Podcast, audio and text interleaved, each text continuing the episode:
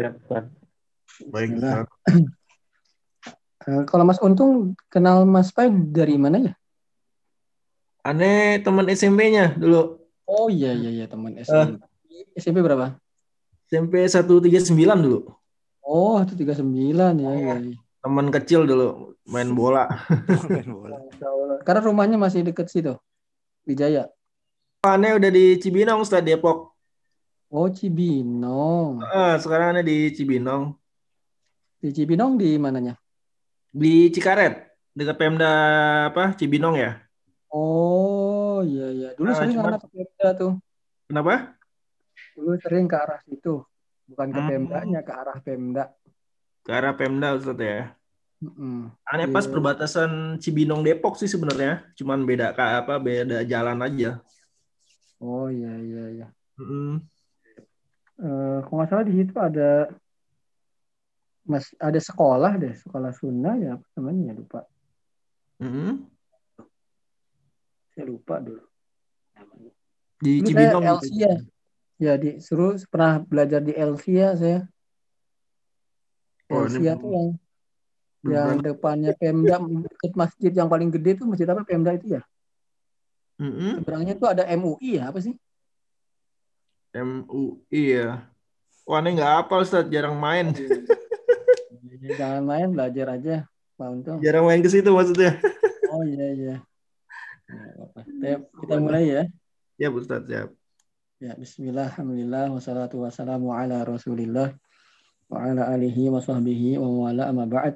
Kita melanjutkan eh, teman-teman yang rahmat Allah Subhanahu wa taala. Marilah nantiasa puja dan puji syukur kita kita panjatkan kepada Allah. Alhamdulillah pada hari ini Allah Subhanahu wa taala memberikan kesempatan kepada kita untuk saling bertemu walaupun dalam dunia maya ya.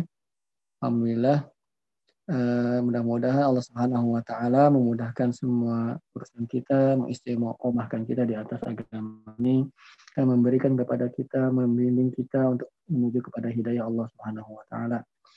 Salawat serta salam semoga tercurah kepada Nabi kita Muhammad Sallallahu Alaihi Wasallam, keluarga beliau, sahabat beliau dan orang-orang yang senantiasa mengikuti beliau dengan baik. Baik kita lanjutkan. Kemarin kan pembahasan tentang babu maja'as an-nasaba kufri bani Adam wa tarka wa tarku wa tarkahum dinahum wal ghulu itu telah kita bahas. Bab keterangan tentang sebab kufurnya Bani Adam dan meninggalkan agama mereka adalah karena mereka gulu kepada orang-orang yang saleh. Nah, sekarang kita masih melanjutkan bab yang ada kaitannya dengan bab sebelumnya yaitu babun maja'a fi taglid ya. Bab maja'a fi taglid yaitu bab tentang peringatan keras sih sebetulnya taglid itu. Tapi kalau di terjemahan eh bukan bukan yang itu pai. Ya kan nah itu. Nah op op, op. nah sip. Babu. Ya at-taglid babu bab tentang larangan keras sebetulnya. Taglid itu larangan keras. Fiman abadallaha bagi orang-orang yang beribadah kepada Allah. Ya bagi orang yang kalau di sini agak beda ya terjemahannya ya nggak apa-apa ya. ya jadi berlebih-lebihan terhadap kuburan orang-orang saleh menjadi sebab sembahan selain Allah. Coba kita lihat. Coba sebelumnya sebelumnya Pak.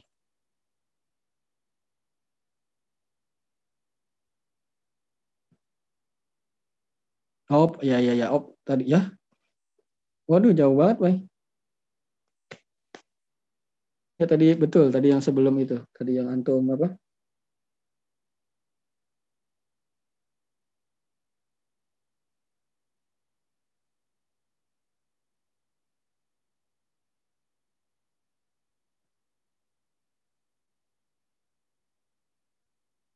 Itu apa tuh tadi?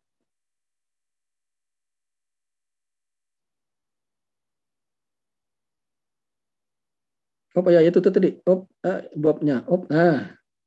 Ya, tip. Tip. bab peringatan keras ya taglid fiman abadallah bagi orang-orang yang beribadah kepada Allah ya larangan keras bagi orang yang beribadah kepada Allah lihat beribadah kepada Allah kok beribadah kepada Allah dilarang keras tapi setelahnya ainda qabri rajulin salih di sisi di samping kuburan orang yang saleh Pakai faida abadahu dan ya terlebih-lebih lagi bagaimana apabila dia menyembah orang soleh yang dikubur tadi. Nah itu kalau judul aslinya ya. Judul aslinya adalah babu maja afitaglid. Bab keterangan tentang larangan keras Iman abadullah bagi orang yang beribadah kepada Allah. Tapi beribadahnya inda qabrin rajulin solih di samping kuburan orang yang solih. Fakaifa idza abadahu bagaimana lagi apabila orang tadi itu menyembah atau beribadah kepada orang solih yang tadi dikubur. Nah, itu bab aslinya. Jadi teman-teman yang dirahmati Allah Subhanahu wa taala, bab ini larangan untuk beribadah, melakukan peribadahan niatnya untuk Allah. Nah, ya melakukan peribadahan niatnya untuk Allah tapi dilakukan ibadah tersebut di samping kuburan seorang soleh. Ya apalagi kalau dia memang awalnya beribadahnya bukan selain Allah lebih parah lagi. Di samping kuburan kuburannya juga yang nggak jelas siapa yang katanya doang si fulan dan fulan. Ya nggak jelas. Apalagi yang kayak gitu modelnya. Beribadah kepada Allah saja. Di samping kuburan orang soleh saja dilarang dengan larangan yang keras. Ya, teman-teman yang dirahmati Allah Subhanahu wa taala, sungguhnya ziarah kubur itu bukan tidak boleh ya. Berziarah kubur. Tetapi ziarah kubur itu ada ziarah yang syar'i atau syariah, ada ziarah yang bid'ah, ada yang bid'ah. Jadi apabila ziarahnya itu dilakukan dengan cara-cara yang benar ya dia disyariatkan apabila ziarah yang dilakukannya bukan dengan cara-cara yang dibenarkan, maka tentu saja itu adalah cara-cara yang batil, yang bid'ah. Nah, jadi berziarah kubur itu tujuannya adalah mengingatkan kita kepada kematian. Itu di antara manfaat atau faidah dari ziarah kubur. Yang kedua, kita mendoakan orang yang dikubur. Bukan ziarah kubur dimaksudkan kita meminta dari orang yang dikubur tersebut bukan tetapi kita memberi memberi bentuknya berupa doa kepada mereka begitu. Jadi teman-teman yang dirahmati Allah Subhanahu wa taala apalagi ziarah kubur itu dimaksudkan agar kita mengingat kepada kematian. Kemudian agar kita memberikan doa kepada si penghuni kubur dan bukan sebaliknya. Nah, dalam bab ini kan dibawakan beberapa hadis dan kemudian diiringi dengan keterangan para ulama atau tentang ulama tentang bagaimana maksud dari hadis tersebut. Yang hadis yang pertama yang dinukil oleh Syekh Muhammad bin Abdul Wahab adalah dia mengatakan fi sahih an Aisyah di dalam sahih yang maksud adalah sahih Bukhari dan Muslim ya. Ya di dalam uh, hadis yang sahih diberikan oleh Bukhari dan maksudnya fi sahih itu dalam sebuah hadis yang sahih. Ya an Aisyah yaitu dari Aisyah di Rasulullah SAW. Beliau mengisahkan tentang uh, kisahnya istri Nabi SAW yang lain. Ya, ya jadi beliau mempunyai beberapa istri dan Aisyah adalah salah satu istri beliau mengisahkan tentang cerita istri Nabi SAW yang lain. Anna Umma Salamah, sungguhnya Ummu Salamah, yang zakarat Ya, bahwasanya sungguhnya Ummu Salamah di sini Ummu Salamah ya benar. Ummu Salamah, Ummu Salamah teman-teman yang dirahmati Allah Subhanahu wa taala ya adalah istri tentu saja dulunya dari Abu Salamah. Ya pernah berhijrah bersama Abu Salamah ke Habasyah. Ke Habasyah tuh sekarang Ethiopia ya, negeri di Afrika. Nah, ini hijrah kaum muslimin pertama kali sebelum ke Madinah mereka hijrahnya ke Habasyah. Habasyah adalah negeri uh, orang-orang Nasrani di sana. Yang rajanya Najasyi itu memeluk Islam, hanya saja rakyatnya tidak tahu. Ya, nah itu Ummu Salamah.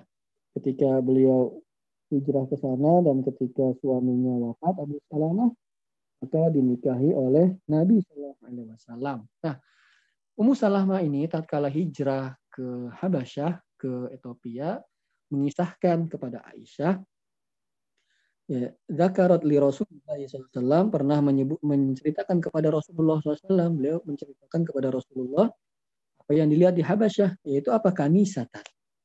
Sebuah uh, gereja.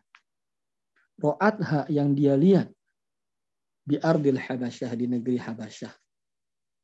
Jadi Ummu Salamah pernah melihat gereja kemudian di Ethiopia wa ma fiha minas suar dan eh, gambar-gambar uh, yang ada di dalam uh, gereja tersebut. Misalkan gereja dan intinya dengan apa yang ada di dalamnya.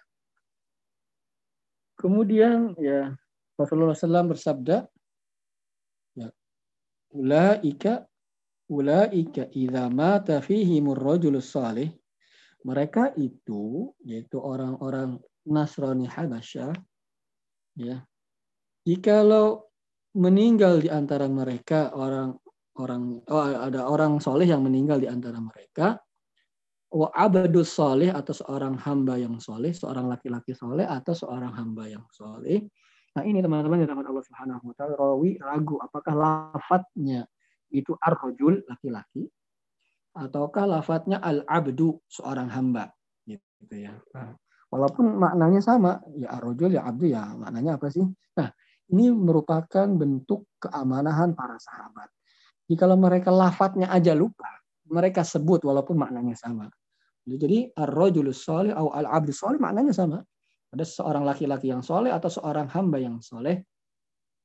Banau ala qabrihi masjidan.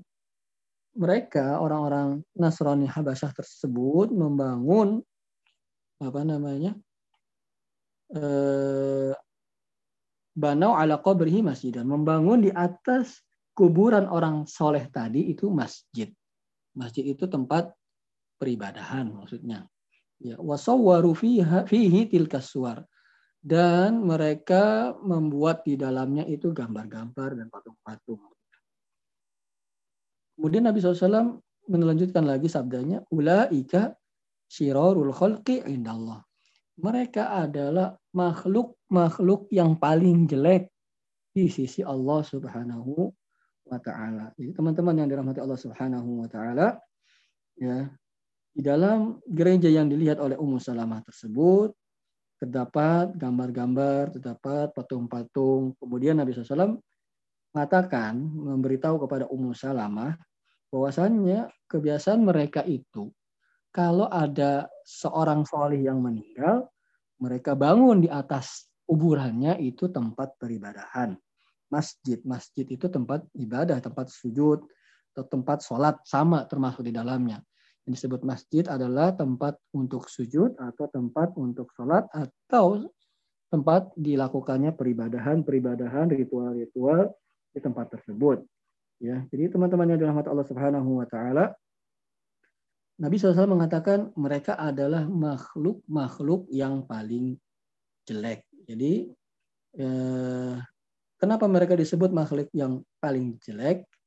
Karena mereka melakukan kezaliman yang sangat besar, yaitu membuat suatu wasilah, suatu perantara dari kesyirikan kepada Allah Subhanahu Wa Taala. Maka oleh karena itu Nabi SAW mengatakan mereka adalah orang atau makhluk-makhluk yang paling jelek di sisi Allah Subhanahu wa taala karena menjadi sebab pengantar seorang melakukan kesyirikan kepada Allah Subhanahu wa taala.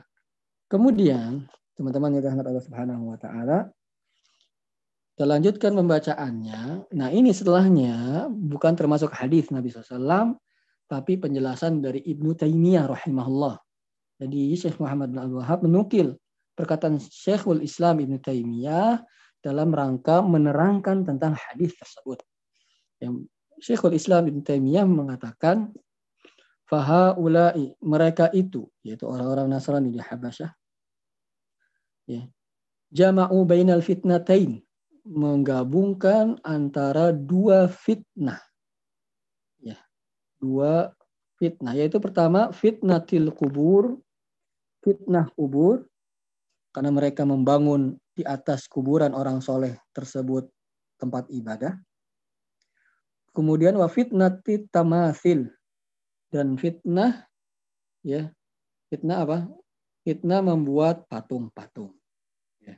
digabung kedua fitnah tersebut ya oleh orang-orang Nasrani Habasyah ya mengumpulkan dua fitnah. Jadi fitnah yang dinamakan fitnah teman-teman di wa taala adalah hal-hal yang bisa menghalangi seseorang kepada Allah Subhanahu wa taala. Hal-hal yang menghalangi seseorang dari agama mereka itu namanya fitnah. Jadi eh, fitnah yang dimaksud fitnah bukan sebagaimana halnya yang dipahami oleh orang-orang Indonesia. Ya, jadi fitnah itu lebih yang secara umum adalah semua hal yang menghalangi seseorang dari agamanya atau menghalangi seseorang dari Allah Subhanahu wa taala itu dinamakan fitnah. Jadi hal ini manusia terhalang dari agamanya. Manusia terhalang dari hanya beribadah kepada Allah karena sebab itu, yaitu ke kuburan dan patung-patung. Jadi apa fitnah disebut atau dinama apa dimaknai fitnah adalah segala sesuatu yang menghalangi seorang dari agamanya. Oleh karena itu dalam surah Al-Ankabut Allah Subhanahu wa taala berfirman Alif Lam Mim ahasiban nasu an yutraku an yaqulu amana wa hum la yuftanun. Ya, tidak ada dalam buku kita yang tambahan. Nah, apakah manusia mengira mereka akan dibiarkan begitu saja untuk mengatakan kami beriman sedangkan mereka belum pernah difitnah Maksudnya dicoba untuk dihalang-halangi dari agama Allah Subhanahu wa taala. Jadi ada hal yang bisa menghalangi seorang dari agama Allah Subhanahu wa taala dan orang-orang beriman akan coba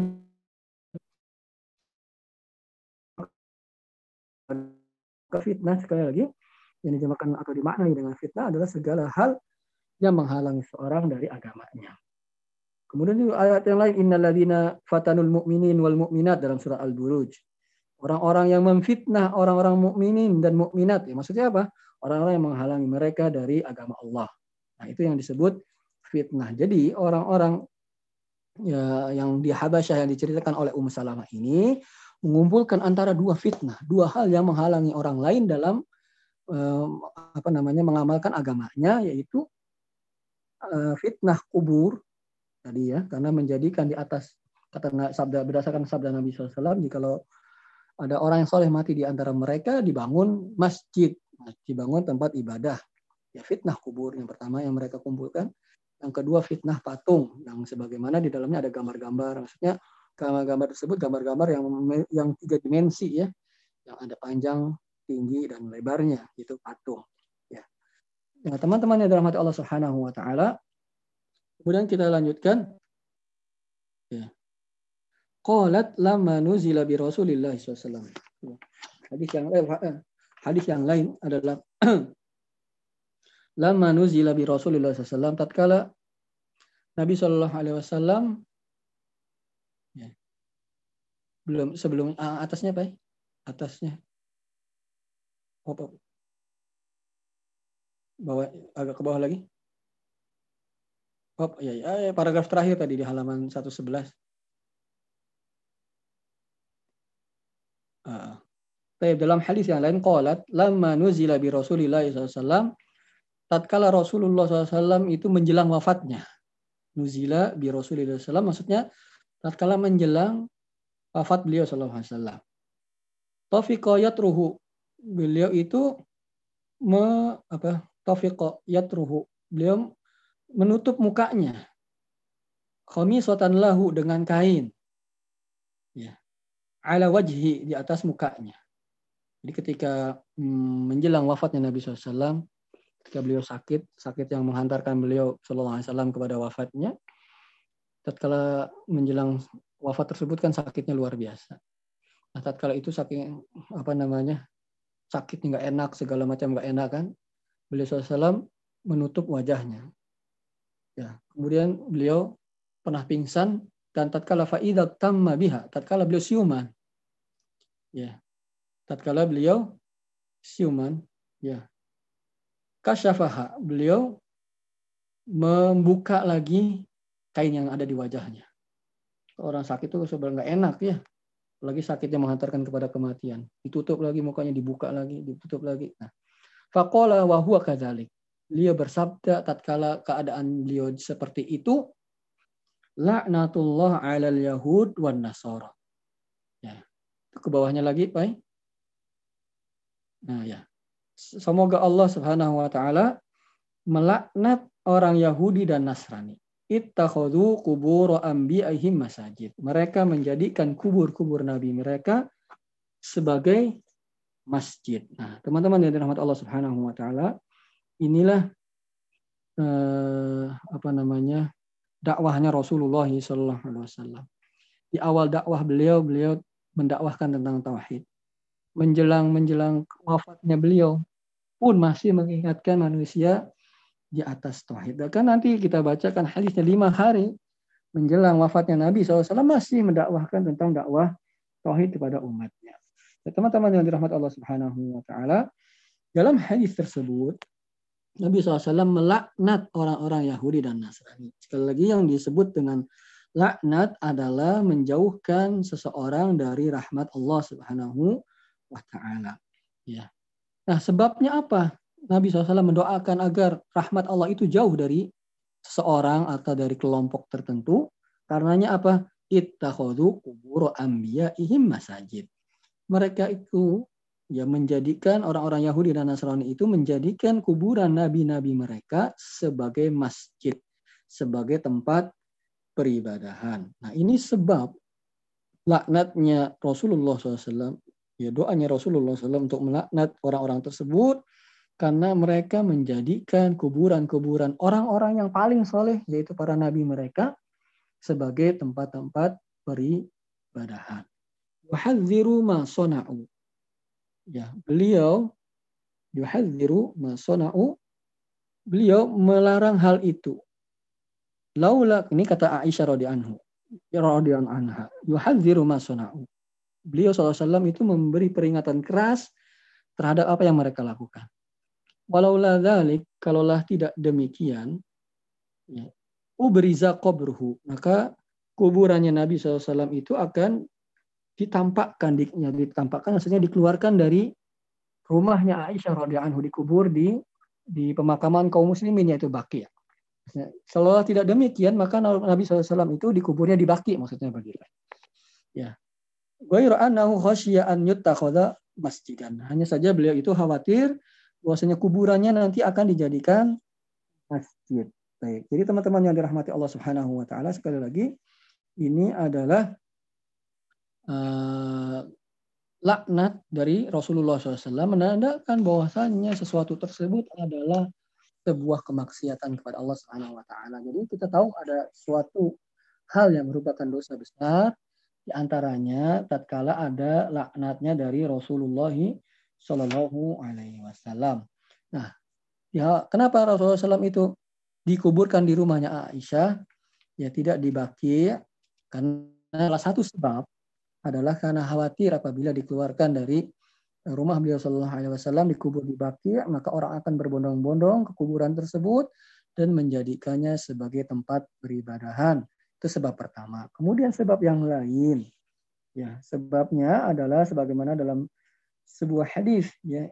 Yang sahih diriwayatkan oleh Imam Tirmidzi ya. Ada Nabi SAW pernah bersabda maku nabiyun illa dufina tidaklah seorang itu nabi itu wafat melainkan dia dikuburkan di mana dia wafat. Jadi tempat meninggalnya seorang nabi di situlah nabi tersebut dikuburkan. Nah oleh karena sebab-sebab tersebut Nabi SAW itu tidak dikuburkan di Baqi' tetapi beliau Shallallahu Alaihi Wasallam dikuburkan di mana beliau wafat yaitu di rumahnya Aisyah radhiyallahu anha. Dan teman-teman yang dirahmati Allah Subhanahu Wa Taala, perkataan Aisyah mengatakan bahwasannya eh, Rasulullah SAW itu memberi peringatan ter yang keras apa yang mereka lakukan. Itu apa yang mereka lakukan orang-orang Yahudi dan Nasrani itu menjadikan kuburan orang-orang soleh yaitu dalam hal ini adalah para nabi mereka menjadi teri, apa, tempat peribadahan kepada Allah Subhanahu wa taala. Tapi permasalahannya sekarang ya, bukankah kita jumpai sekarang kuburan Nabi Shallallahu Alaihi Wasallam itu ada di dalam masjid. Kok bagaimana katanya? Ada larangan-larangan. Ya dibaca hadis-hadisnya. Ya tentang larangan ya masjid itu eh, membangun masjid di atas eh, membangun tempat ibadah di atas kuburan membangun masjid di atas kuburan. Sedangkan makamnya Nabi SAW saja sekarang ada di dalam masjid maka jawabannya adalah ada beberapa hal Pertama, bahwasanya Nabi SAW itu tidak dikubur di masjid. Karena tadi kita sampaikan, beliau dikubur di tempat beliau wafat, yaitu di rumah Aisyah radhiyallahu anha. Rumah Aisyah sebelahnya masjid, bukan di dalam masjid. Jadi yang pertama kali, Nabi SAW pada awalnya itu bukan dikubur di dalam masjid sehingga kita katakan apa namanya Rasulullah SAW meninggalnya kuburannya di dalam masjid pertamanya. Karena beliau meninggalnya di rumah Aisyah radhiyallahu anha. Kemudian kedua, ya bahwasanya Rasulullah SAW itu tadi tidak dikuburkan di masjid melainkan di rumahnya beliau di rumahnya Aisyah tepatnya yang ketiga eh, bahwasanya memasukkan kuburan Rasulullah SAW ke dalam masjid perluasan masjid itu sehingga kuburan Nabi SAW seolah-olah di dalam masjid itu bukan hal yang disepakati oleh para sahabat ya jadi yang itu dilakukan eh, masuknya eh, masjid ke dalam mas, apa, nah, maksudnya kuburan ke dalam masjid itu setelah zamannya sahabat Rasulullah SAW. Ya, setelah zamannya sahabat dan ada pun yang tersisa dari sahabat itu hanya tinggal sedikit para sahabat yang meninggal tatkala itu. Dan hal ini pun diingkari oleh tabi'in, yaitu generasi setelah sahabat, yaitu Said bin Musayyib ya, ya tokoh tabiin yang terkenal ulamanya tabiin itu di antaranya Said bin Musayyib tidak meridhoi hal tersebut. Berarti hal ini bukan kesepakatan. Ya, bukan keijma kaum muslimin saat itu, tetapi ada yang mengingkarinya. Nah, itu yang selanjutnya. Yang yang terakhir bahwasanya kuburan Nabi SAW itu bukan di dalam masjid. Ya.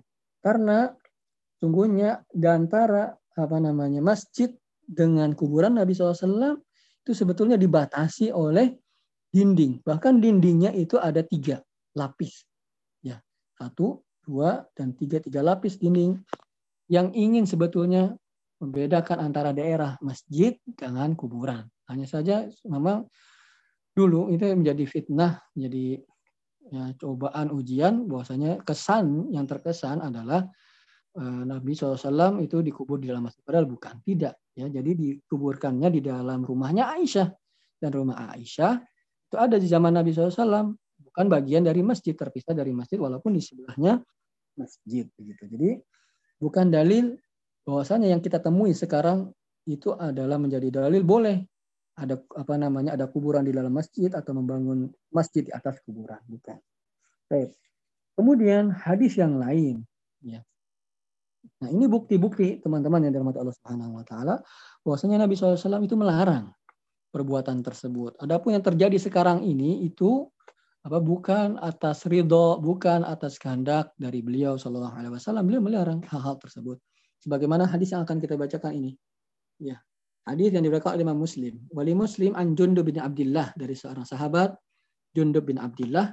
Beliau pernah e, menuturkan sami'tu Nabi sallallahu alaihi wasallam, aku pernah mendengar Nabi sallallahu alaihi wasallam. Qabla an yamuta bi khamsin, sebelum beliau wafat lima hari sebelum beliau wafat. Ya, lima hari sebelum Nabi wafat. Wa huwa yaqul dan beliau bersabda, Ini abra'u ilallah. Sungguhnya aku berlepas diri dari, dari Allah. Maksudnya berlepas diri. Bagi siapa? Anyakuna li minkum khalil. Bahwasanya aku memiliki khalil. Aku berlepas diri kepada Allah Subhanahu wa taala apabila ada yang menyatakan aku punya khalil. Khalil itu teman-teman yang rahmat Allah Subhanahu wa taala yang disebut dengan khalil adalah puncak dari kecintaan itu namanya khalil. Ya, berbeda dengan habib. Habib itu orang yang dicintai. Orang yang dicintai oleh Allah Subhanahu wa taala banyak. Ya. Tapi Rasulullah SAW itu punya keistimewaan yang tidak dimiliki dengan yang lainnya kecuali Nabi Ibrahim yaitu Khalil. Ya, Rasulullah adalah Khalilullah. Ya. Ya, Kata Rasulullah SAW, aku berlepas diri kepada Allah dari memiliki khalil. Itu memiliki suatu seorang yang paling dicintai oleh Allah eh, dicintai oleh Rasulullah SAW. Fa inna Allah qad. Sungguhnya Allah telah menjadikan aku khalil. Ya, khalilullah. Jadi Nabi SAW itu adalah khalilullah. Kama takhada Ibrahim khalil. Sebagaimana Allah juga menjadikan Nabi Ibrahim jadi khalil, puncak kecintaan. Ini teman-teman yang dirahmati Allah Subhanahu wa taala, Rasulullah SAW itu disebut khalilullah. Eh, kecintaannya sudah memuncak, artinya puncak dari kecintaan namanya khullah. Orangnya khalil namanya. Nah, Nabi SAW itu hatinya tidak dipenuhi dengan yang lain kecuali dengan kecintaan kepada Allah Subhanahu wa taala saja. Oleh karena itu beliau dinamakan Khalil. Karena puncak kecintaannya benar-benar hanya untuk Allah Subhanahu wa taala tidak kepada yang lainnya. Adapun mencintai yang lainnya itu dalam rangka kecintaan beliau kepada Allah Subhanahu wa taala. Jadi puncak kecintaannya, puncak uh, angan-angannya dan semuanya adalah Allah Subhanahu wa taala. Oleh karena itu beliau disebut dengan Khalil. Fa inna Allah qad takhadhani khalila kama takhadha Ibrahim khalila. Sungguhnya Allah telah menjadikanku khalil sebagaimana Nabi Ibrahim juga menjadikan dijadikan oleh Allah khalil. Walau kuntu muttakhidan min ummati khalilan. Seandainya aku menjadikan di antara umatku itu khalil, latakhadtu Abu Bakrin khalil. Maka aku akan menjadikan Abu Bakar itu sebagai khalil. Ya, teman-teman yang dirahmati Allah Subhanahu wa taala. Jadi uh, atau khalil adalah sekali lagi puncak dari sebuah kecintaan. Kecintaan yang paling ujung, yang paling tinggi itu namanya khullah, orangnya namanya khalil. Nah, uh, Nabi Muhammad SAW dan Nabi Ibrahim itu dikenal dengan Khalilullah. Jadi ada yang kekeliruan yang mengatakan bahwasanya kalau Nabi Ibrahim itu Khalilullah, bahwasanya kalau Nabi itu Habibullah. Nah, itu keliru. Ya, yang mengatakan Nabi Ibrahim itu Khalilullah, sedangkan Nabi Muhammad Wasallam itu Habibullah. Itu keliru. Kenapa? Karena Habib itu di bawah Khalil. Ya. Habib itu kan artinya yang dicintai. Yang dicintai Allah banyak. Ya wallahu yuhibbul muhsinin misalnya. Orang mencintai orang-orang yang berbuat baik. Ya, banyak yang dicintai Allah. Tapi kalau Khalil, maka tidak semua makhluk diberikan derajat ini. Maka hanya Nabi Muhammad SAW dan Nabi Ibrahim saja. Dan seandainya ada Khalil atau boleh Rasulullah SAW menjadikan tingkat kecintaan yang paling tinggi ditujukan kepada siapa? Seandainya boleh, dia beliau akan tujukan kepada uh, Abu Bakar As-Siddiq radhiyallahu anhu. Kemudian beliau mengatakan ala wa inna man kana qablakum ya ketahuilah bahwasanya orang-orang yang sebelum kalian kanu yattakhiduna qubur anbiya'ihim masajid mereka itu menjadikan kuburan nabi-nabi mereka sebagai masjid-masjid, sebagai tempat-tempat beribadah. Ala fala tattakhidul kuburo masajid.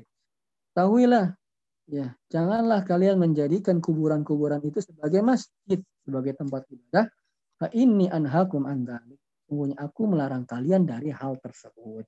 Ini teman-teman yang dirahmati Allah Subhanahu wa taala, ada beberapa hal yang bisa kita petik dari hadis tersebut Bahwasanya yang pertama Nabi SAW itu berlepas diri dari dari menjadikan selain Allah Subhanahu wa taala itu khalil.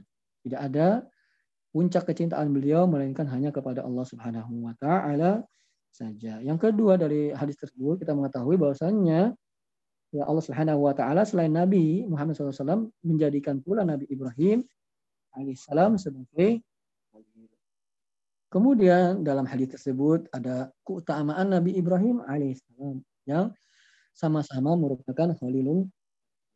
Kemudian dalam hadis pula ada keutamaan dari Abu Bakar As-Siddiq anhu menunjukkan bahwasanya beliau radhiyallahu anhu adalah sahabat yang paling utama di antara sahabat yang lain, sahabat yang paling dicintai Nabi SAW ketimbang dari sahabat-sahabat yang lain. Kemudian dalam hadis tersebut juga teman-teman yang dirahmati Allah Subhanahu wa taala ada yang bisa kita ambil pelajaran bahwasanya larangan keras ahdir ya dari yang ada di catatan kita ini dari saya. Ya sungguhnya larangan keras dari menjadikan kuburan sebagai masjid menjadikan kuburan sebagai tempat ibadah. Dari sabda Nabi SAW ala falatatakhidul kuburo masjid janganlah kalian menjadikan kubur sebagai masjid-masjid fa ini anhakum la an Sungguhnya aku melarang kalian dari hal tersebut. Kemudian juga yang bisa diketik dari hadis tersebut bahwasanya apabila ada ya, orang yang dikubur di dalam masjid, maka yang dilakukan adalah memindahkan kuburannya keluar masjid, tidak di dalam masjid atau tidak di dalam area yang disebut masjid. Ya, di luar sana, di tempat yang tidak menimbulkan kerancuan ini masjid atau bukan di tempat yang jelas-jelas. Karena e, kaum muslimin itu dimakamkan di kuburan kaum muslimin. Ya tidak di tempat-tempat tertentu. Jadi dikuburkannya di apa namanya di kuburan kaum muslimin.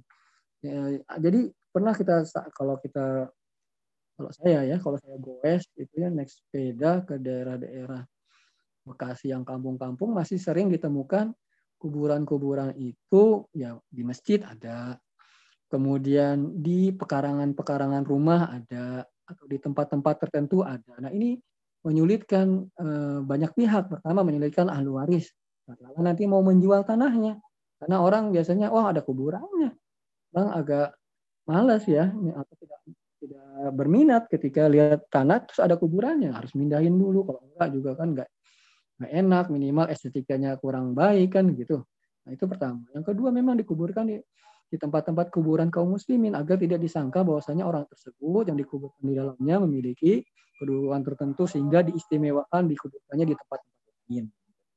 Nah, ini larangan dari Nabi SAW. Apa namanya untuk mengubur di dalam masjid. Kemudian dalam hadis tersebut juga ada betapa semangat atau giginya Nabi SAW untuk memberikan arahan kepada umat ini agar mereka terjauh dari kesyirikan dan sebab-sebab kesyirikan sebab jauhnya. Bahkan dalam hadis kita tadi kita baca, ya sudah seringnya di menjelang wafat beliau. Jadi kita baca apa? Di menjelang lima hari sebelum wafat beliau. Sering dari awal. Jadi dakwah Nabi SAW itu dari awal, tengah, bahkan akhir itu dakwahnya tidak lupa dengan dakwah Teman-teman yang dirahmati Allah Subhanahu wa taala. Kemudian juga dalam hadis tersebut apabila ada masjid yang dikubur di atas eh, yang dibangun di atas kuburan, maka ya masjidnya dipindahkan ke tempat lain. Ya, dipindahkan ke tempat yang lain. Karena itu tidak diperbolehkan dalam syariat Islam, dilarang oleh Nabi Shallallahu Alaihi Wasallam. Baik, kemudian kita lanjutkan lagi. Nah, ini yang selanjutnya ini bukan dari hadis tapi perkataan Syekhul Islam ini Taimiyah. Naha anhu fi akhir hayatihi. Nabi SAW telah melarang ya hal tersebut yaitu menjadikan Eh, kuburan sebagai tempat ibadah di akhir hayat beliau. Summa innahu la'ana. Kemudian Nabi melaknat bahwa fisyaq ketika beliau menjelang wafatnya man fa'alahu orang yang melakukannya. Wa salatu indaha kata Syekhul Islam dan sholat di sisi kuburan, di samping kuburan itu termasuk hal itu. Maksudnya hal itu apa? Termasuk menjadikan kuburan sebagai masjid. Ya, sholat di samping kuburan itu semakna dengan membangun masjid di atas kuburan. Wa in lam yubna masjid. Walaupun enggak bangun masjid. Jadi yang dimaksud dengan menjadikan kuburan sebagai masjid, itu maksudnya pertama adalah membangun fisik masjid di atas kuburan satu. Ya. Yang kedua, menjadi atau melakukan peribadahan dalam hal ini misalnya sholat atau peribadahan lain. Melakukan ritual-ritual peribadahan di kuburan tersebut pun termasuk makna membangun masjid di atas kuburan. Kenapa?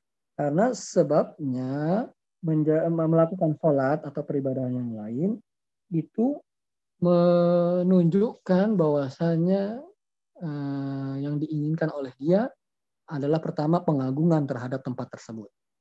Ya, tempat tersebut punya punya kelebihan dong dari yang lain. Kalau nggak gitu ngapain dia beribadah di situ kan? Ya, melakukan peribadahan di situ pertama. Kemudian yang kedua bahwasanya tujuan masjid didirikannya masjid adalah dalam rangka untuk beribadah kepada Allah Subhanahu wa taala. Nah, tatkala seorang menjadikan suatu tempat peribadahan tertentu, maka setidak secara tidak langsung menjadikan suatu tempat tersebut sebagai masjid. Jadi Ya, larangan membangun masjid atas kuburan mencakup pertama membangun fisik masjid di kuburan ataupun secara makna non fisik adalah menjadikan kuburan tersebut ritual tempat ritual peribadahan. Karena memang itulah tujuan apa namanya dibangunnya masjid untuk beribadah kepada Allah. Tatkala orang beribadah di samping kuburan pada secara tidak langsung dia menjadikan kuburan tersebut sebagai masjid. Nah, itu teman-teman yang dirahmati Allah Subhanahu wa taala. Wa huwa makna qauliha dan itu adalah ini masih menunjukkan perkataan Syekhul Islam menjelaskan tentang hadis tersebut dan itu adalah perkata makna dari perkataan Aisyah radhiyallahu anha khosyiya an yuttakhadha masjidan. Nabi SAW khawatir dijadikan kuburan beliau sebagai masjid. Fa inna sahabah lam yakunu liyabnu haula qabrihi masjidan. Sungguhnya sahabat tidak membangun di samping ya, di sekitar kuburannya Nabi SAW itu masjid. Tidak, yang dibangun uh, bukan di samping kuburan Nabi SAW dibangun masjid. Tapi para sahabat membangun masjid di samping rumahnya Aisyah radhiyallahu anha yang di mana rumah tersebut Nabi SAW wafat. Tidak dari awalnya sahabat dan Nabi SAW tidak memaksudkan menjadikan masjid itu atau kuburan itu di dalam masjid tidak, tetapi awal mulanya para sahabat itu menjadikan masjid itu di sampingnya rumahnya Aisyah radhiyallahu anha maka itu tidak dilakukan para sahabat. Fa inna sahabat lam yakunu liyabnu hawla qabrihi masjidan. Para sahabat itu tidak membangun di samping masjid Nabawi itu ya kuburan, tetapi rumah. Rumahnya Aisyah radhiyallahu anha. Wa qulu maudu'in shalah fihi. Dan juga setiap tempat yang dimaksudkan sholat di dalamnya, faqad tukhidha masjid. Sungguh dia telah menjadikan suatu tempat tersebut sebagai masjid. Jadi tempat-tempat yang dimaksudkan eh, untuk melakukan sholat ataupun peribadahan yang lain, maka secara tidak langsung seorang itu menjadikan tempat tersebut sebagai masjid. Jadi masjid itu bisa maknanya tempat sujud, ya atau masjid yang kita kenal yaitu tempat dilaksanakannya sholat lima waktu dan peribadahan-peribadahan. Nah, orang yang menjadikan kuburan sebagai tempat peribadahan, maka dia apa namanya telah menjadikan kuburan tersebut sebagai masjid. Jadi saya ulang lagi, makna menjadikan kuburan, eh, makna membangun kuburan, membangun masjid atas kuburan adalah yang pertama seorang itu membangun fisik kuburan, eh membangun fisik masjid di atas kuburan, membangun fisik masjid di atas kuburan. Yang kedua yang masih termasuk menjadikan atau membangun masjid di atas kuburan adalah seorang melakukan ritual peribadahan di samping kuburan tersebut. Karena itulah memang tujuan inti di, didirikannya masjid tadi ya untuk dalam rangka tempat beribadah kepada Allah Subhanahu wa taala. Dan semua tempat sebetulnya yang yang dimaksudkan untuk sholat maka dia itu namanya masjid. Ya, jadi masjid itu teman-teman yang dirahmati Allah Subhanahu wa taala tempat yang memang dimaksudkan di dalamnya untuk sholat dan melakukan peribadahan-peribadahan. Coba misalnya kita contohnya yang mudahnya, apabila kita pergi ke kantor-kantor yang eh, kemudian mau sholat, gitu, sholat Jumat, kita tanya masjidnya di mana? Di lantai sekian. Padahal memang asalnya bukan dimaksudkan masjid lantai tersebut, ya enggak? Enggak di bangunan itu di gedung itu enggak dimasukkan lantai sekian masjid, enggak awalnya. Kemudian setelah ditata baru ini lantai ini jadikan masjid kan gitu. Nah, maka tempat yang dijadikan di situ adalah ritual sholat lima waktu, ya atau ditujukan di situ melakukan peribadahan-peribadahan itu namanya baik besar ataupun kecil. Kalau kita kan masalahnya kalau masjid itu besar, kalau kecil namanya musola. Gitu. Tidak, musola itu secara syariat namanya masjid, ya, sama masjid. Ya artinya yang ditujukan di sana, ditegakkan di sana sholat, juga dilakukan di sana peribadahan itu namanya masjid. Jadi teman-teman yang dirahmati Allah Subhanahu wa taala, hal-hal ini yaitu membangun masjid di atas kuburan atau menjadikan kuburan sebagai tempat peribadahan itu dilarang oleh syariat Islam, dilarang oleh Rasulullah Shallallahu Alaihi Wasallam, dilaknat bahkan oleh Nabi Shallallahu Alaihi Wasallam. Bal kullu maudi'in yusalla fihi. Islam melanjutkan, ya tempat yang dimaksudkan untuk sholat di dalamnya yusamma masjid. Sebut masjid dalilnya apa? Ju'ilat liyal ardu masjidan tohura dijadikan untukku kata Nabi SAW ya, tanah itu masjid ya tempat untuk melakukan peribadahan dan tohura dan tempat dan sesuatu yang menyucikan. Jadi tanah itu ya semua tanah pada asalnya kecuali yang dilarang untuk melakukan peribadahan di dalamnya itu disebut bisa dijadikan sebuah tempat ibadah. Jadi kalau kita di hutan, kita mau sholat di mana? Apa harus nyari masjid? Enggak, di mana saja itu adalah masjid. Jadi semua tempat yang ditujukan, yang dimaksudkan sholat atau peribadahan itu disebut semua masjid. Kemudian Wali Ahmad di sana dan Zaid dari Imam Ahmad dari hadis Imam Ahmad diriwayatkan oleh Imam Ahmad dengan sanad yang bagus. Amin Mas'ud dari Ibnu Mas'ud radhiyallahu anhu marfu'an inna min syirarin nas sejelek-jeleknya manusia manusia yang paling jelek. Ya, man tudrikuhum as-sa'atu wa hum ahya. Orang yang eh, mendapati hari kiamat sedangkan mereka masih hidup. Seburuk-buruknya, sejelek-jeleknya manusia adalah yang ketika hari kiamat dia masih hidup. Ya, kita berdoa, makanya kita diwafatkan sebelum hari kiamat. Karena pada hari kiamat yang tersisa adalah orang-orang yang paling buruk. Ya. Kemudian apakah itu saja orang yang paling jelek itu hanya orang yang ketika hari kiamat ada saja? Bukan. Walladzina yattakhiduna al-kubur masajid dan orang-orang yang menjadikan kuburan sebagai masjid. Jadi teman-teman yang dirahmati Allah Subhanahu wa taala bahwasanya di antara manusia yang paling jelek adalah orang yang hidup ketika dia namanya hari kiamat. Masih tegak di sana dia hidup maka itu adalah seburuk-buruknya manusia seburuk-buruknya orang. Agak mungkin agak masalah agak ada kerancuan dengan hadis ini karena ada hadis yang lain misalnya tapi sebetulnya nggak ada rancu kita saja yang belum memahaminya dengan benar. Ada hadis yang lain yang sahih diriwayatkan Imam Muslim ya la tazalu ta'ifatun min ummati. Akan senantiasa ada pada sekelompok dari itu ya, alal haqqi zahirin yang akan senantiasa tegak di atas kebenaran. Ya, pasti ada kelompok yang selalu di atas kebenaran, memegang kebenaran secara teguh, pasti ada. La yadurruhum man khadalahum. Tidaklah memudaratkan orang eh, memudaratkan mereka orang yang mencela mereka.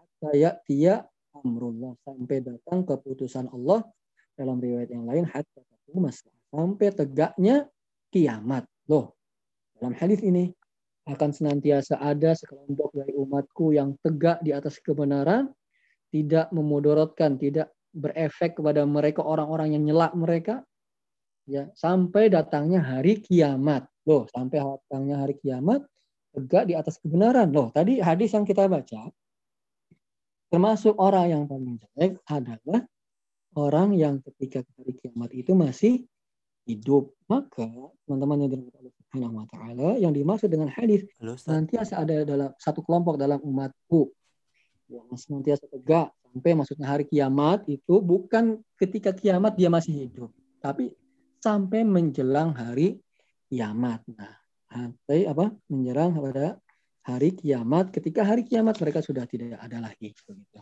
Jadi teman-teman yang dirahmati Allah Subhanahu wa taala, mohon kepada Allah tatkala kiamat uh, sudah tegak, maka kita saat itu sudah tidak ada. Karena kalau berarti kita masih ada di antara kita nih pas kiamat kok masih ada kita, berarti kita di antara orang-orang yang paling buruk. Itu pertama, yang paling buruk itu yang kedua adalah orang-orang yang menjadikan kuburan sebagai masjid. Ini pun termasuk orang yang paling jelek. Nah, jadi kejelekan itu ternyata teman-teman yang dirahmati Allah Subhanahu wa taala itu bertingkat-tingkat sebagaimana kebaikan juga bertingkat-tingkat orang yang soleh. Tingkat kesolehannya. Orang-orang yang fajir orang-orang yang Allah itu pun bertingkat-tingkat. Ya hum darajatun indallah. Mereka itu berderajat-derajat bertingkat-tingkat di sisi Allah Subhanahu wa taala. Jadi teman-teman yang dirahmati Allah Subhanahu wa taala bila ada orang menjadikan kuburan sebagai masjid, maka dia telah melakukan hal yang sangat besar, dosa yang besar karena hal tersebut mendapatkan laknat dari Rasulullah SAW karena hal tersebut itu di apa namanya diingkari oleh Rasulullah SAW, dilarang oleh Rasulullah SAW, bahkan menyatakan bahwasanya itu adalah di antara orang-orang yang paling jelek teman-teman yang dirahmati Allah Subhanahu wa taala, Mungkin itu yang bisa saya sampaikan apabila ada yang ditanyakan bisa disampaikan. Apabila saya bisa menjawabnya, Alhamdulillah. Apabila tidak, maka mohon uh, dimaklumi. Baik, syukran jazakallah wa barakallahu Ustaz atas yang telah disampaikan pada kesempatan pagi kali ini. Baik Iwa sekalian yang ingin bertanya dipersilakan untuk mengunmute mic-nya sendiri.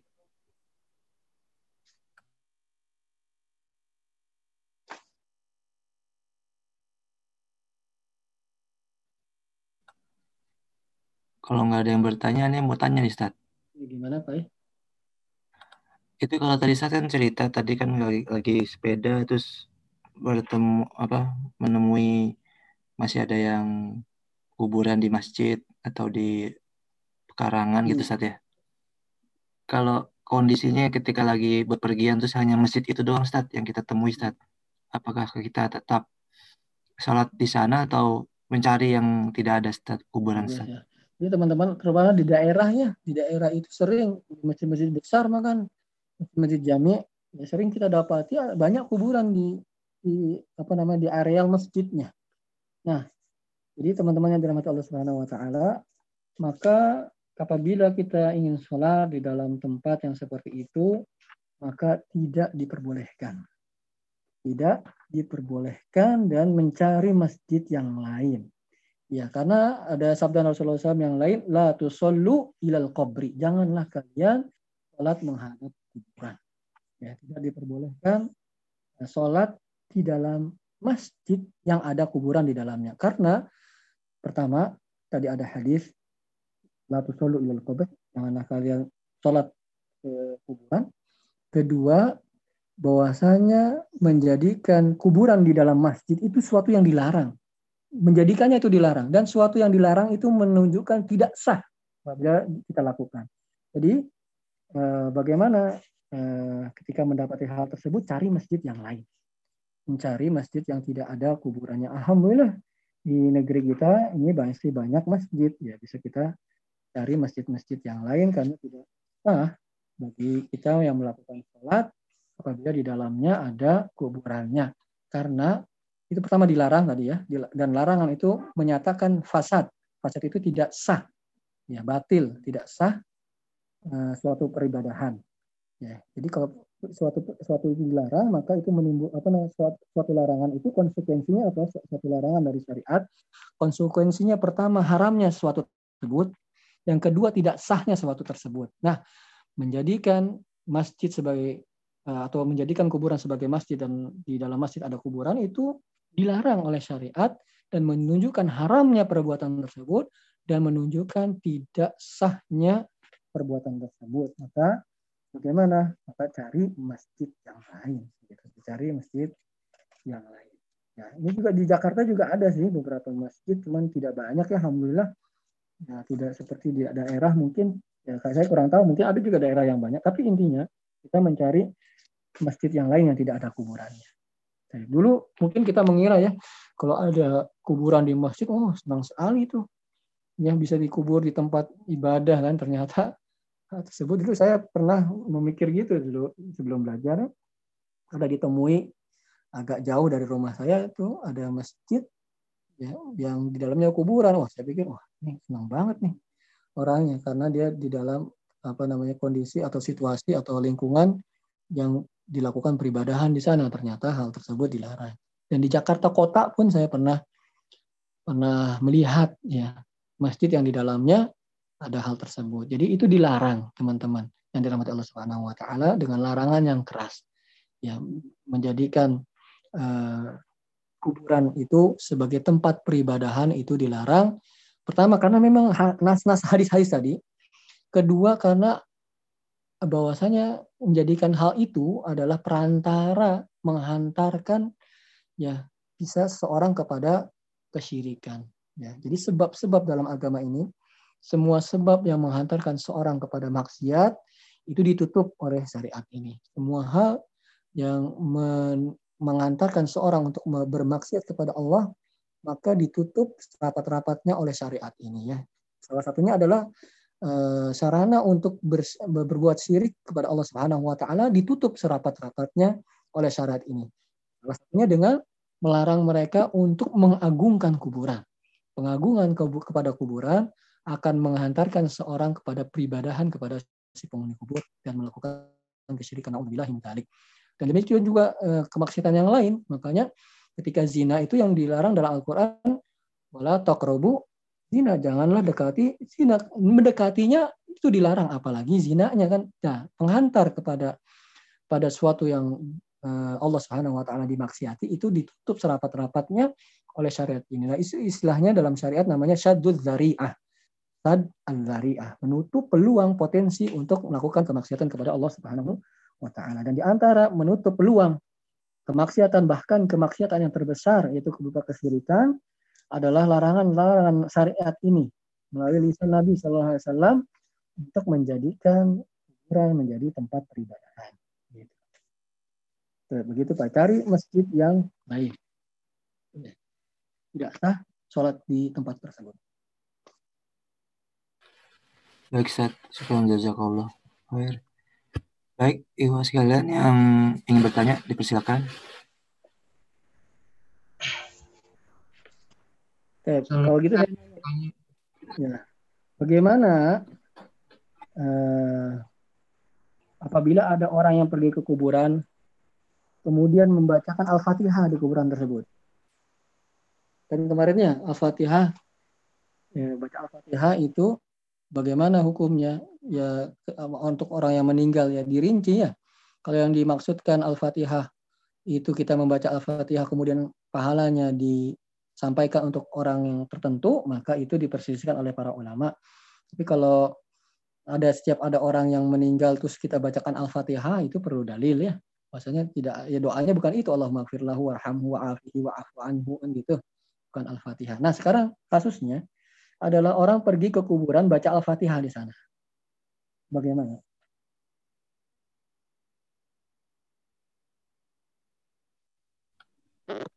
Ini pertanyaan Ustaz. Ya, itu pertanyaan. Ya. Ada yang tidak tahu? Seperti... Yang ini ke kuburan cuma untuk bacain Al-Fatihah aja.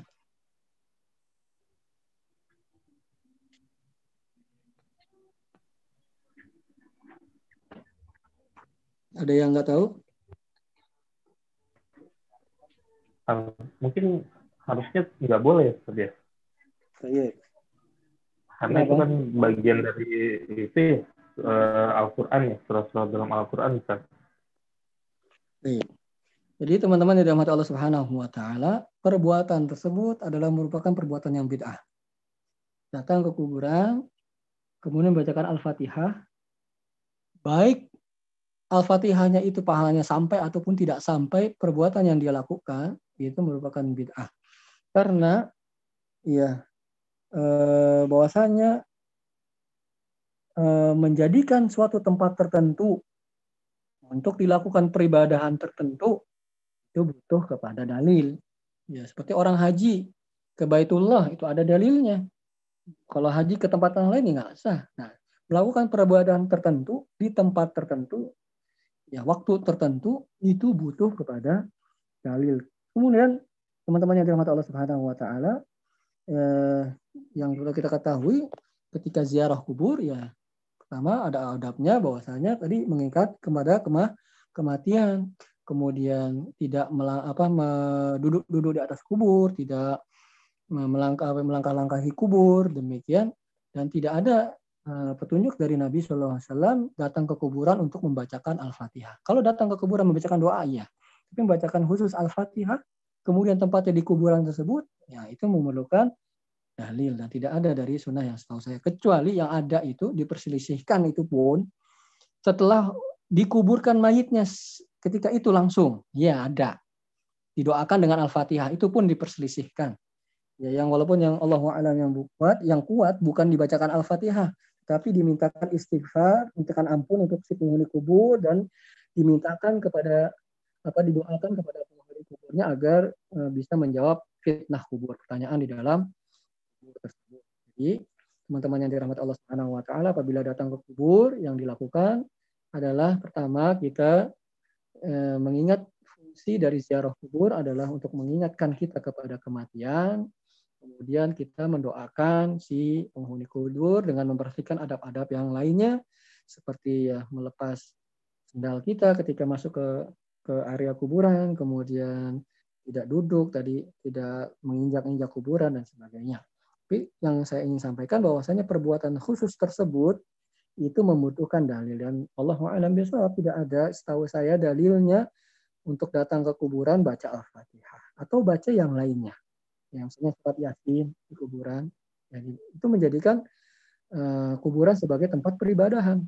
Kenapa dia membacakan Yasin di situ? Toh dia bacakan di tempat lain pun ya apa namanya uh, kalau dia niatkan untuk pahalanya dia bisa sampai gitu. Jadi ketika datang ke kuburan bukan dibacakan uh, tertentu ya kemudian ritual-ritual tertentu tetapi di didoakan si penghuni kuburnya. Tidak ada macam-macam seperti uh, apa namanya uh, dikasih bunga-bunga dan selainnya itu tidak tidak pernah diajarkan setahu saya yang saya tahu tidak ada di syariat di dalam syariat Islam. Adapun yang mengkiaskan dengan perbuatan Nabi SAW yaitu menancapkan batang kurma, ya marok. Hadisnya sahih Bukhari. Rasulullah SAW melewati dua kuburan. Kemudian beliau mengatakan inna huma la inna huma la yu'adzaban. Kedua penghuni kubur tersebut sedang di sedang diazab. Wa ma yu'adzabani ila fi kabir. Tidaklah mereka itu diazab karena melakukan hal-hal yang besar. Jadi diazabnya karena sepele. Ya, yang pertama, fa'ama ahaduma la yastatiru minal baul. Yang pertama, sebabnya dia diazab di, di kubur tersebut uh, karena dia tidak menutup diri ketika dia buang air kecil. Ya, apa sih vulgar gitu buang airnya bisa dilihat dari mana-mana. Sebabnya diazab kubur. Jadi salah satu sebab azab kubur adalah ketika kita buang air kecil, terutama yang sering dilakukan, itu tidak beristitar, tidak menutup. Ya, maksudnya tidak maksudnya terlihat aurat kita dengan orang lain atau sembarangan gitu ya kita lihat orang-orang gampang sekali buang air di samping-samping tidak tertutup tempat ya bisa mungkin terlihat auratnya dan sebagainya nah itu sebab salah satu sebab adat kubur yang kedua yang kedua adalah karena yamsi binamimah. Yang kedua suka ngadu domba orang. Nah itu sebab mereka diazab. Kemudian Rasulullah menancap fagorosa nah batang batang pohon kurma. Ya kemudian apa namanya? La'allahuma semoga keduanya itu diampuni selama malam ya basah sebelum selama eh, apa namanya batang kormanya itu belum kering. Nah itu teman-teman yang dirahmati Allah Subhanahu Wa Taala bukan menjadi dalil menabur bunga di kuburan. Ya itu pun teman-teman yang dirahmati Allah Subhanahu Wa Taala itu adalah merupakan kekhususan Nabi Shallallahu Alaihi Wasallam menancapkan batang kurma di atas dua kuburan yang beliau lewati yang beliau tahu mendapatkan wahyu dari Allah keduanya sedang dianap. Jadi tidak ada sahabat Nabi SAW yang melakukan hal itu setelah apa namanya Abu Bakar ketika ziarah kubur nancepin bun kurma itu pun nancepin. Terlebih lagi hanya menaburkan bunga. Jadi tidak melakukan hal tersebut yang yang dilakukan adalah memohon ampun kepada kepada si penghuni kubur. Ya kalau kotor ya dibersihkan kuburannya agar tidak dihinakan agar tidak diinjak orang-orang lain gitu ya. Demikian. Allah alam baik tadi ada yang mau disampaikan kayaknya? Baik, Pak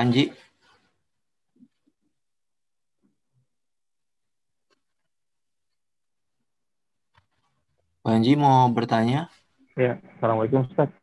Assalamualaikum warahmatullahi Ya, Ustaz, uh, Afan mau bertanya. Uh, ya. Kalau misalnya suatu ketika ya kita sedang safar nih, sedang safar ke daerah yang uh, mungkin kalau misalnya rumah-rumah penduduk aja agak jarang, apalagi kalau misalnya masjid gitu ya, mungkin jaraknya lumayan jauh ya. Dan ketika kita dat sampai ketika sampai ke suatu masjid, kita menemukan suatu masjid dan di masjid itu ada uh, makamnya Ustadz gitu.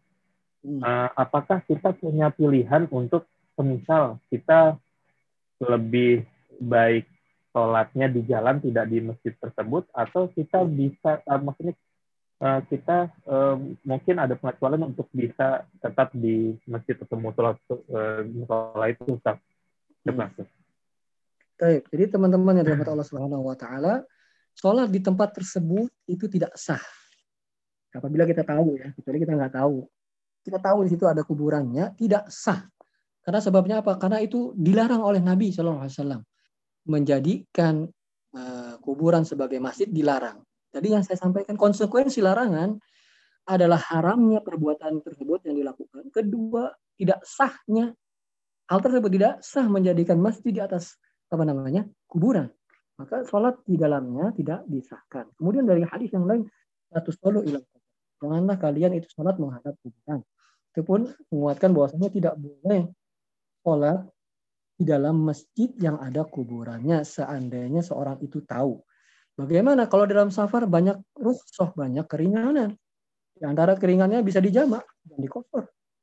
Itu cari masjid lain, kalaupun keluar waktunya dikosor nanti ke tempat temu, eh di jamak, ketemu tempat masjid yang apa namanya, yang tidak ada kuburannya, dia bisa jamak sholatnya yang sebelumnya.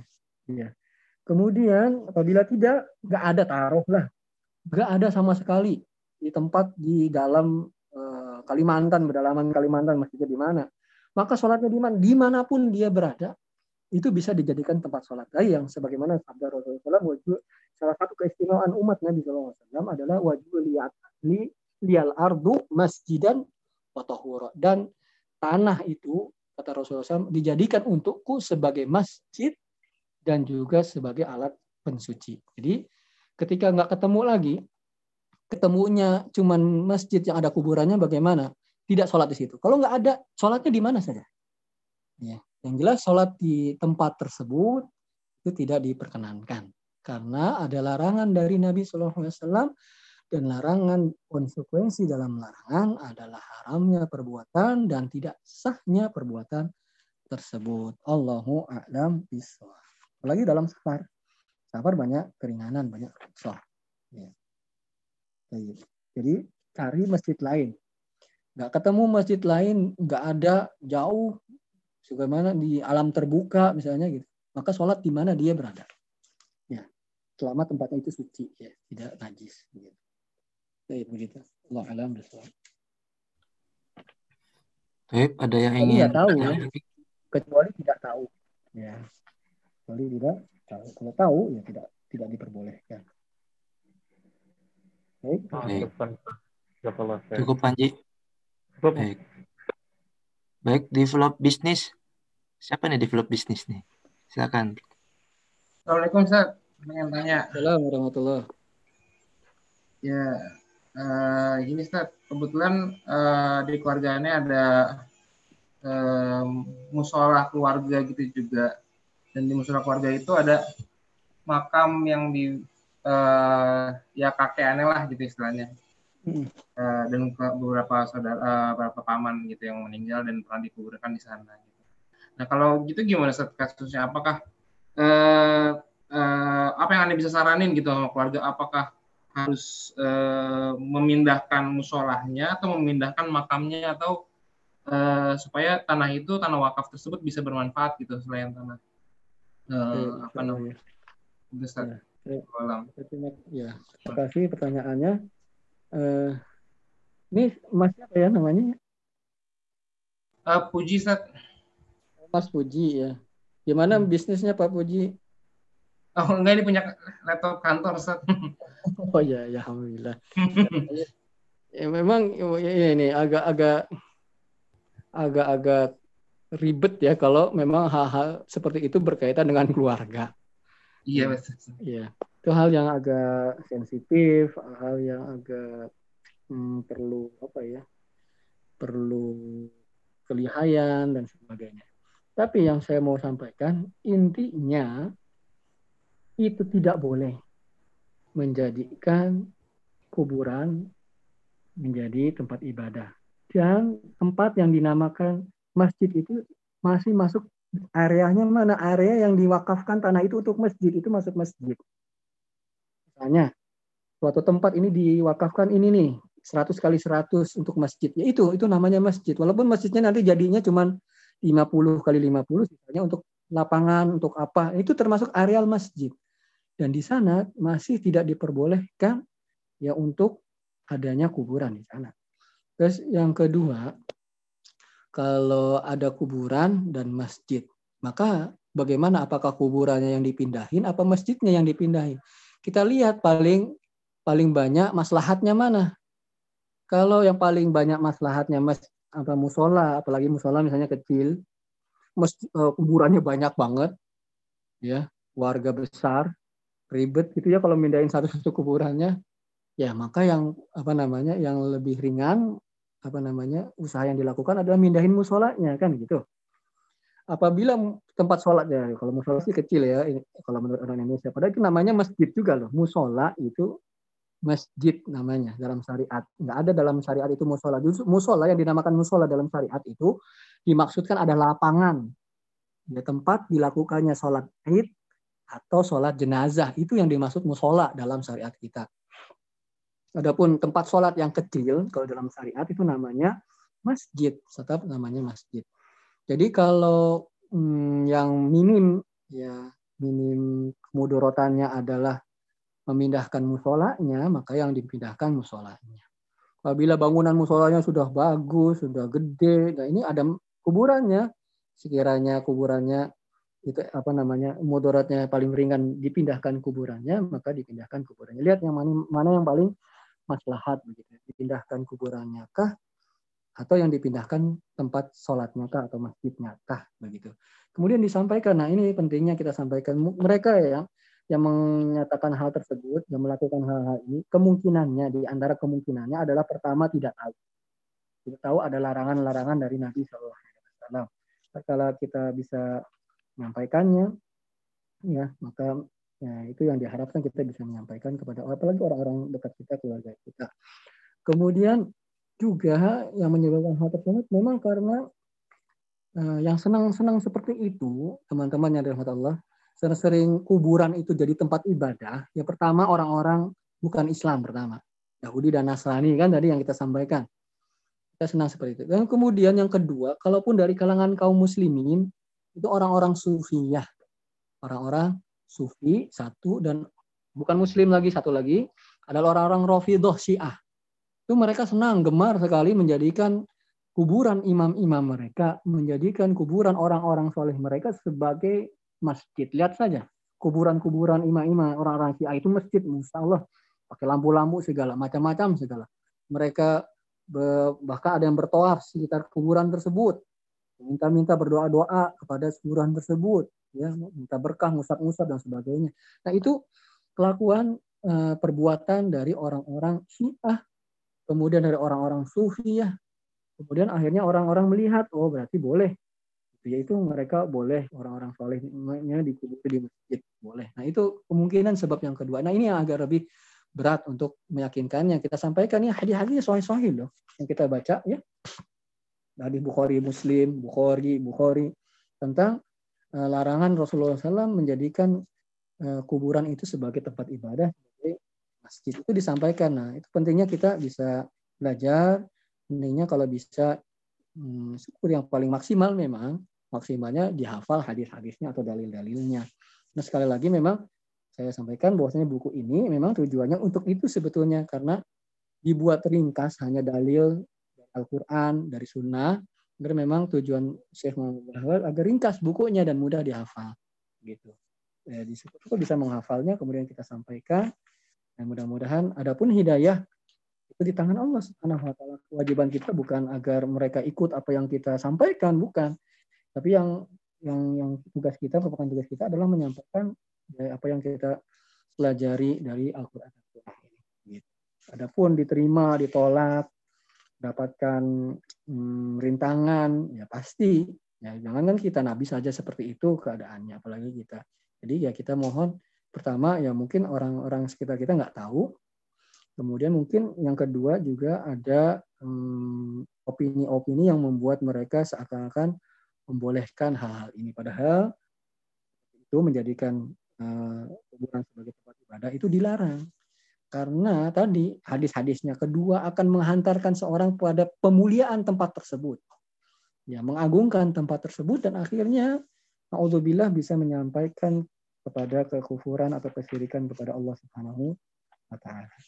Mungkin itu yang bisa disampaikan. Jadi disebutkan hadis-hadisnya disampaikan, cari waktu yang baik, kata-kata yang paling baik, momen yang pas.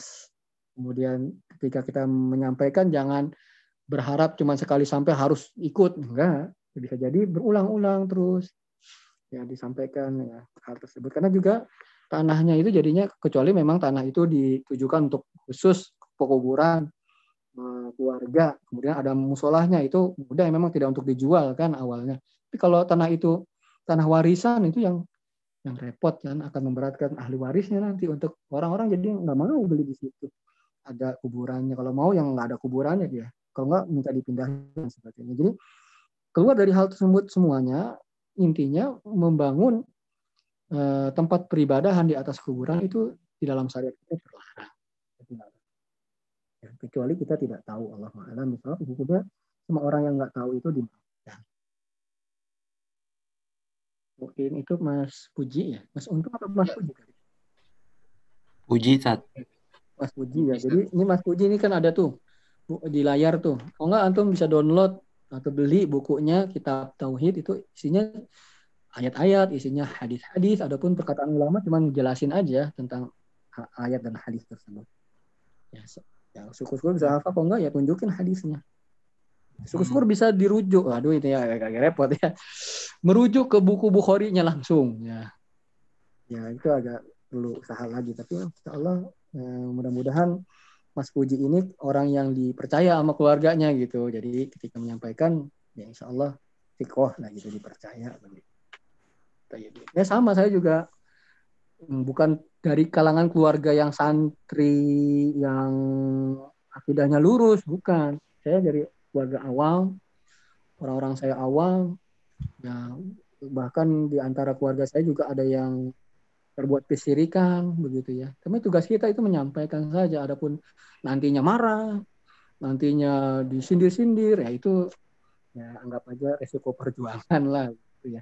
Nikmati saja. Ya bukan kita satu-satunya mendapatkan hal itu ya. Rasulullah dan para sahabat pun mendapatkan hal itu. Mungkin kita cuma diomong-omong aja, mungkin kita cuma dimarahin aja ya tapi kita sampaikan karena bentuk kesayangan kita kepada mereka rasa kasih sayang kita kepada mereka kita sampaikan dan juga nanti di hadapan Allah kita akan ditanya antum mau jadi soleh sendiri itu keluarga antum nggak tahu nggak dikasih tahu. Gitu. Dan diminta pertanggungjawabannya oleh Allah Subhanahu Wa Taala. Disampaikan ya sampaikan ya dengan cara yang baik sebaik-baiknya dengan waktu yang baik dan segala, segala, segala halnya yang baik. Adapun menerima atau tidak itu bukan wewenang kita itu wewenang Allah Subhanahu wa ta'ala. Mudah-mudahan kita berdoa agar mereka menerimanya. Jadi begitu Mas Puji, lihat yang paling maslahatnya yang dipindahkan kuburannya atau yang dipindahkan uh, musolanya. Kalau idealnya Ustaz jaraknya berapa jauh gitu Ustaz kalau misalnya mau musolanya digeser terus oh, uh, ya. apakah dikasih tembok pembatas gitu ya Ustaz? Nah, nah ini dia. Jadi gimana uh, apakah ada satuan jarak tertentu atau batasan tertentu sehingga walaupun dekat tapi boleh kan gitu ya. Maka teman-teman yang dirahmati Allah Subhanahu wa taala intinya adalah kita bisa membedakan mana daerah makam kuburan, mana daerah masjid itu intinya. Mau dipisah sama jalan, mau dipisah sama kali, mau dipisah sama tembok, intinya bisa membedakan mana daerah masjid dan mana daerah kuburan. Tidak rancu, ini kuburan apa masjid, apa masjid samping kuburan, apa kuburan sampai masjid. Tidak. Jelas batasnya. Di tembok boleh. Ya, misalnya kub, misalnya masjid eh, musolanya di pojok. Alhamdulillah nih bisa kita akali nih dengan apa?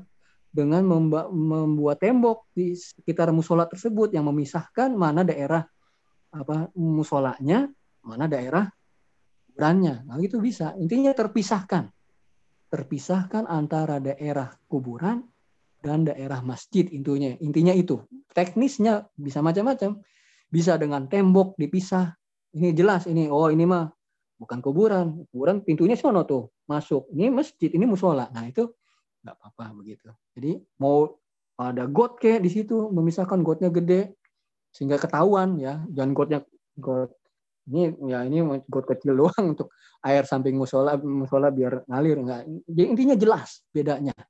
Jelas mana batasan musola atau masjid, mana batasan kuburan. Jaraknya terserah, nggak ada batasannya. Kalau jaraknya harus berapa meter, berapa meter itu nggak ada keterangannya dari syariat. Yang jelas memisahkan antara mana daerah kuburan, mana daerah masjid atau musola. Gitu Mas Puji. Ya Ustaz, syukur Ustaz. Musolanya ini di mana? Di tengah, di pojok? Uh, di sebenarnya sih agak belakang. Di belakang. Belakangnya pojok apa agak masuk ke tengah? Uh, agak pojok sih sebenarnya. Jadi pas oh, kita masuk itu ada kuburan dulu, habis itu baru uh, musolahnya gitu. Oh, nah itu bisa dipisahkan. Intinya terpisah mana daerah musola dan mana daerah mas apa namanya kuburan. Itu teknisnya. Salah teknisnya gimana diolahnya. Yang jelas sudah terbedakan antara dua tempat tersebut. Dibikin pintu baru mungkin di tembok bikin pintu ya, baru. di tembok dibuat pintu masuk baru lain. Ini mah pintu masuk musola itu mah pintu masuk eh, kuburan misalnya dipisahkan yang intinya jelas mana daerah musola mana daerah kuburannya begitu ya. Ya, Afan. Mudah-mudahan dimudahkan urusannya ya, Mas Puji. Amin. Ada lagi, teman-teman? Baik, ada yang ingin bertanya lagi? Kalau nggak ada, mungkin bisa diakhiri, Ustaz. Baik. Oke, teman-teman yang rahmat Allah Subhanahu wa taala. Jadi yang kita pelajari pada hari ini adalah mengenai uh, sebuah kuburan atau kuburan dijadikan tempat peribadahan di atasnya. Ya, dilakukan peribadahan di atasnya atau di sampingnya atau di mana daerah-daerah kuburan itu dijadikan tempat peribadahan itu terlarang dari syariat kita didasarkan oleh hadis-hadis yang tadi kita sebutkan hadis-hadisnya sahih. Baik, jadi teman-teman yang dalam hati Allah Subhanahu wa taala mudah-mudahan bisa bermanfaat bagi diri kita ataupun orang-orang sekitar kita. Dan saya ucapkan terima kasih banyak kepada teman-teman yang sudah meluangkan waktunya di antara sela-sela kesibukan teman-teman. Mudah-mudahan Allah Subhanahu wa taala membalas kita semua dengan pahala yang banyak. Mudah-mudahan Allah Subhanahu wa taala memberikan kepada kita keistiqomahan di dalam agama kita ini dan semoga Allah Subhanahu wa taala terus membimbing kita untuk mendapatkan kebenaran. Baik, kita tutup dengan doa kafaratul majelis. Subhanakallahumma wa bihamdika asyhadu an la ilaha illa anta an Baik, bisa kita akhiri dan nanti kita ketemu lagi di kesempatan yang sama di minggu depan insya Allah. Terima kasih atas waktu yang telah disempatkan pada hari ini. Assalamualaikum warahmatullahi wabarakatuh. Waalaikumsalam warahmatullahi wabarakatuh. Waalaikumsalam warahmatullahi wabarakatuh.